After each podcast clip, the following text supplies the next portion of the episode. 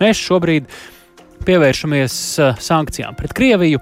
Eiropas Savienība šobrīd gatavo nākamo sankciju paketi, un tajā uh, viens no uzsvariem varētu būt vēršanās pret Krievijas zelta eksportu, cenšoties nepieļaut uh, tās iespējas, kādas varbūt joprojām ir, apiet Eiropas Savienības jau līdz šim noteiktās sankcijas. Eiropas Savienība līdz šim ir piemērojusi Krievijai jau sešas sankciju paketes, tur ir visdažādākā veida šīs sankcijas. Un uh, nesen vēl jūnijā pēdējā pakete tika pieņemta, uh, attiecinot to vairāk tieši uz enerģētisko sektoru, vēl precīzāk uz Krievijas naftas importu Eiropas Savienībā.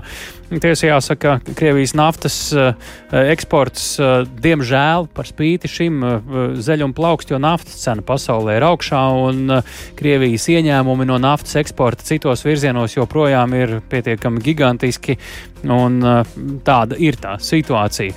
Bet, nu ko, ir jāturpina šis virziens. Eiropa Krievijai ir ļoti svarīgs uh, partneris līdz šim bijis, un uh, ierobežojumi, protams, ka sīt pa Krievijas ekonomiku.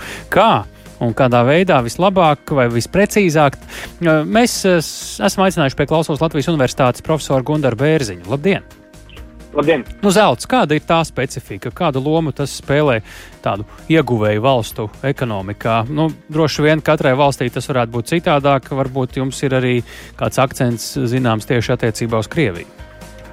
Uz Krieviju, Krievijas uh, kopējais zelta eksporta apjoms gadā ir apmēram, uh, kad iepriekšējos gados bija 300, 300 uh, tonnas uh, un ar kopēju vērtību apmēram 20 miljardi. Tas ir tas apjoms, par kuru mēs šobrīd runājam. Nu, ja mēs zinām, ka nafta ienes, teiksim, nu, ļoti rupji runājot, miljārdu dienā, tas varbūt nav tas pats. Ienes, Jā, un, viņš nav tas pats, bet jebkurā gadījumā um, kopējais, kopējais uh, energoresursu plus materiālu un dažādu metālu un dažādu citu izstrādājumu uh, dienā varētu būt apjoms pat līdz diviem miljardiem atkarībā no cenas, kur ir gāze nafta un dažādi metāli un izējumateriāli. Līdz ar to um, kopā Krievija pat dienā var ieņemt līdz diviem miljardiem uh, dažādos valūtas eksporta ieņēmumus. Uh, un tas svarīgākais to salīdzināt ir ar to, cik tad Krievija tērē karam. Un karam Krievija vidēji pēc aplēsēm, ekspertu aplēsēm tērē uh, no 500 miljoniem līdz 1 miljardam. Uh, nu, teiksim, ņem, ņem vērā iepriekš uzkrātās ieroču rezerves. Bet, ja ne, neņem vērā iepriekš uzkrātās ieroču rezerves, tad tas ir apmēram 500 miljonu dienā. Kā mēs redzam, pat pie visiem šiem ierobežiem, kuriem vēl ar vienu ir būtiski vairāk ieņēmumu nekā izdevumu saistībā ar karu. Līdz ar to, līdz ar to sankcijas pakets, protams, jāturpina, bet cerēt uz to, ka tās tūlīt apturēs kara darbību īsti nevar pie šāda veida bilances. Jā, nu, tas savukārt nozīmē eh, attieci, tas eh, attiecībā uz kara darbību, bet uh, Krievijas uh, budžetā šie visi ieņēmumi līdz šim ir bijuši ļoti būtiski vienkārši ekonomikas ikdienas uzturēšanai. Nu, šobrīd, ja šie nu, ļoti būtiska daļa no šiem ienākumiem aiziet kara darbības uzturēšanai, ko mēs redzam, kā tās sankcijas varbūt cit ne tieši pa kara mašīnu, bet par visu pārējo šobrīd. Cik tālu mēs esam šobrīd ar to tikuši? Jā, par pārējo ekonomiku tur, protams, ekonomikā viss ir ietver diezgan lielu laika nobīdi. Un, bet ko mēs jau redzam šobrīd? Šobrīd mēs redzam, ka ir um, ievērojami, uh, teiksim, inflācija turpina būt ļoti augsta, apmēram 15% uh, gada inflācijas procents, kas ir ļoti augsts procents. Un pat pie krītoša kursa, tas nozīmē, ka kurs, piemēram, nav nav reāls kurs. Viņš ir faktiski mākslīgs un rublis vairāk nav konvertējams. Kas ir noticis? Ir ievērojami samazinājies iedzīvotāju faktiski pirktspēja vai pārdošanas apjoms pēdējos mēnešos, un tas ir krities gandrīz par 17%. Tas savukārt nozīmē to, ka faktiski iedzīvotāji taupa un naudu netērē šādiem pirksumiem rezultātā Krievijas ekonomika faktiski krīt. Bet kas um, interesantākais, um, ņemot vērā šos inflācijas rādītājus, Krievijas budžets kopumā pat nemazinās. Ja mēs skatāmies uz Krievijas kopējiem budžeta ieņēmumiem, tad budžeta neizpilda neizskatās, ka būs neizpilda, izskatās, ka būs izpilda budžeta. Un tas, protams, jāņem vērā ir arī pirmo mēnešu salīdzinoši labi ienākumi, kas bija janvārs, februārs un marts. Tā kā vēl mēs nezinām, kas būs, nav, nav arī dati, un to Krievija arī izdarījusi, un ir faktiski gan visus ekonomiskos rādītājus noslapanojuši šobrīd.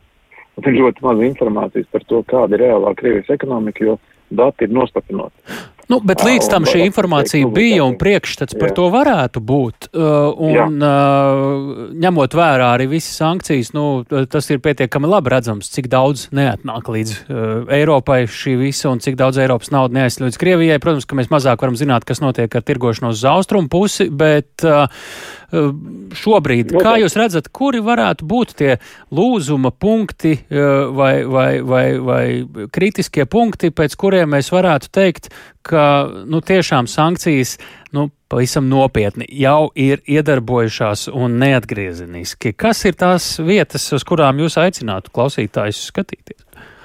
Nu, pirmais, ka, pirmais, protams, ir uz bezdarba līmeni, slēpto bezdarbu un uh, faktisko bezdarbu. Uh, tas, piemēram, uh, zelta, uh, zelta eksporta aizliegums uh, ļoti būtiski ietekmēs veselu rindu uh, nozaru, kuras, uh, kurās ir iedzīvotāji darba vietas un ir ceļš tālākais austrumos. Uh -huh. Ir uh, bezdarba līmenis, kāds ir Krievijā, un tas ir viens kritis, ļoti kritisks rādītājs. Otrs kritiskais rādītājs ir šis slēptais bezdarbs, kad uzņēmumi Krievijā uh, nevar atļauties politisku apstākļu dēļ atlaist darbiniekus, tiek samazinātas darba stundas, ļoti aktīvi tiek uh, darba nedēļas samazināta un bezalgas atvaļinājumu un tā tālāk. Īsāk sakot, cilvēki it kā ir darbā, bet viņiem faktiski, faktiski viņiem nav ienākumu. Tas ir viens no būtiskiem rādītājiem, kas ir ļoti kritisks un kas ļoti drīzā laikā, tuvāk jau rudenim, atstās, var atstāt ļoti būtisku iekšpolitisko situāciju, jo cilvēki paliks bez darba. Aha. Un, un tādā brīdī otrs? nepieciešama kompensācija. Un otrs ir šis tehnoloģiskais attīstības attīstība, kas saistās divos aspektos. Pirmais ir IT tehnoloģijas, milzīgs kritums šajā nozarē. Un, un Krievija nekad nav bijusi tehnoloģiski attīstīta valsts. Krievijai lielākoties ir bijis, nu, teiksim, divas, trīs paudzes vecākas tehnoloģijas nekā visai pārējai pasaulē. Nu, Šobrīd jā, jāgaida, kad šie iedarbosies. Tā jāsaka pēc pilnas programmas. Īsi ļoti lūdzu, jā. Un vēl viens ļoti īsts aspekts ir, ir tas, ka nav rūpniecības iekārtas. Krievija ļoti maz pati radīja rūpniecības iekārtas, kas traucē radot nākošos ražojumus, gala produkciju. Un tur ir arī milzīgs kritums redzams. Mm -hmm. Nu, cerams, ka tas attiecas arī uz militāro industriju un nevar arī neattiekties. Lielas paldies par sarunu. Mēs to sakām mūsu ekspertam pirmajā mūsu tematā Gundaram Bērziņam, Latvijas universitātes profesoram. Svarīgas piezīmes šajā brīdī, gan optimistiskākas, gan pesimistiskākas.